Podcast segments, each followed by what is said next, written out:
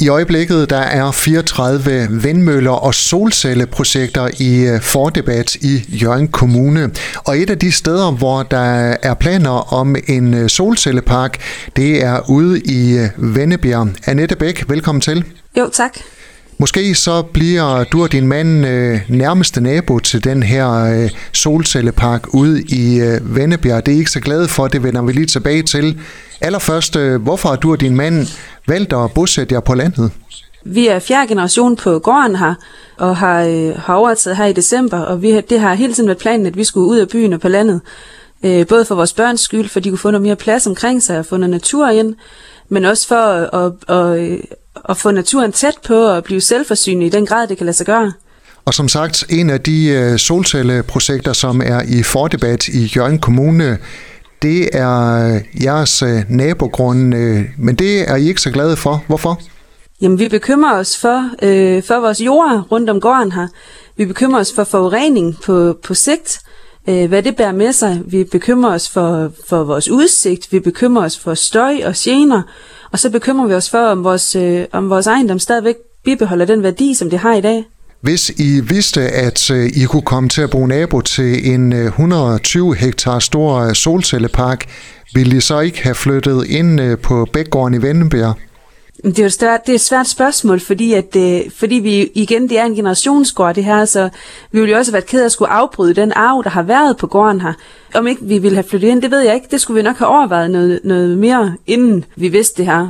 Men vi vidste jo ikke noget på forhånd. Vi har jo ikke, det har været planlagt længe, at vi skulle flytte ind her og overtage gården.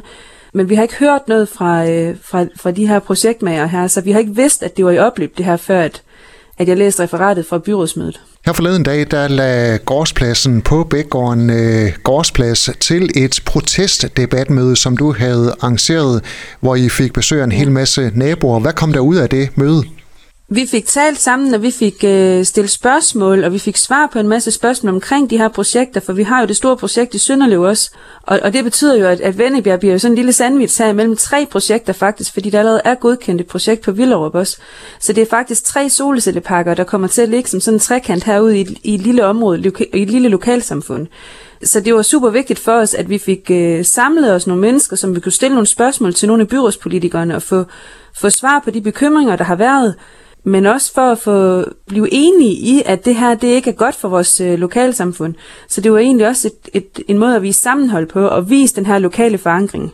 TV2 Nord var også øh, på besøg i forbindelse med det her protestdebatmøde ude hos øh, jer. Der kan man jo se, at du bærer rundt på en øh, meget flot, stor, rund mave. Der er en ny beboer på vej til øh, Bækgården. Bør du og din mand ikke netop øh, tænke på de kommende generationer og så øh, hilse sådan noget som solcelleparker velkommen? Jo, helt sikkert.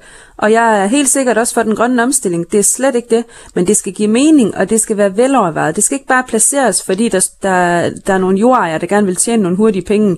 Men er nødt til at tænke over, at der også er et samfund, der skal fungere. Øh, vi har selv solceller på taget på, på stallen herude i syd. Vi har også øh, installeret jordvarme, så vi, vi gør også, hvad vi kan for at, at velkomme den her grønne omstilling. Men vi har også et lokalsamfund, der skal fungere, og vi har en skole, som er velfungerende, som der også gerne skulle blive ved med at være børn på. Øh, og det sker ikke, hvis ikke der flytter nye til området, og, og det kan de solcelleparker her, det kan de altså godt sætte en stopper for. Hvis der ikke skal være solcellepark på jeres øh, nabogrund, øh, hvor skal det så være? Jamen, jeg mener, at vi skal sætte dem på de tag, der står til rådighed for det, på industribygninger, på nybyg, på kommunale bygninger osv.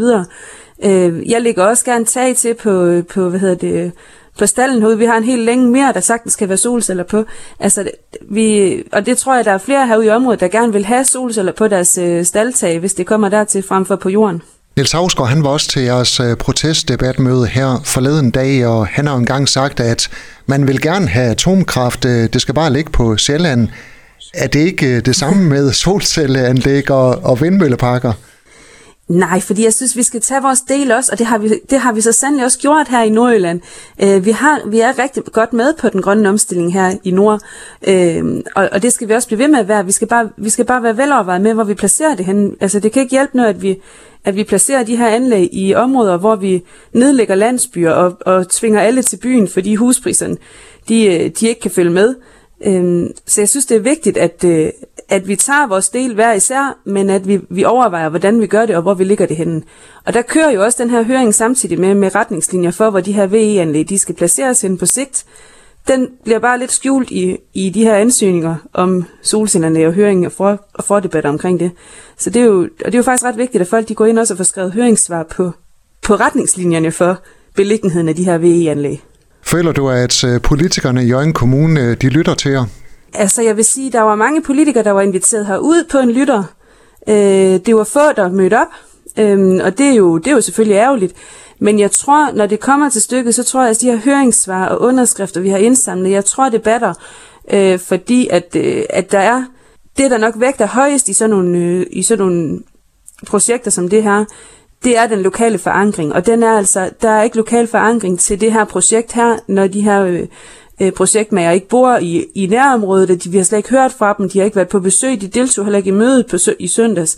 På den måde, der tror jeg bare, det, det tæller, at politikeren får at vide, at vi er så modstandere af det herude. Og 100 mennesker på min gårdsplads i søndags, det bevidner i hvert fald om, at lokalsamfundet er imod.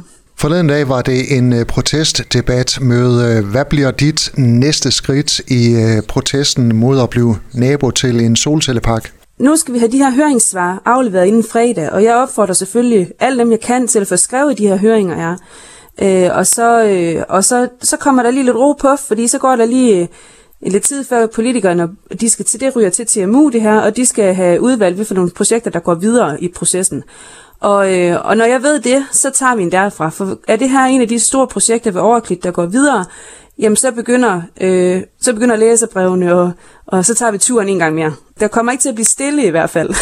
Annette Bæk, tak fordi du var med her, og fortsat god kamp. Jo, tak. Du har lyttet til en podcast fra Skager FM. Find flere spændende Skager podcast på skagerfm.dk eller der, hvor du henter dine podcasts.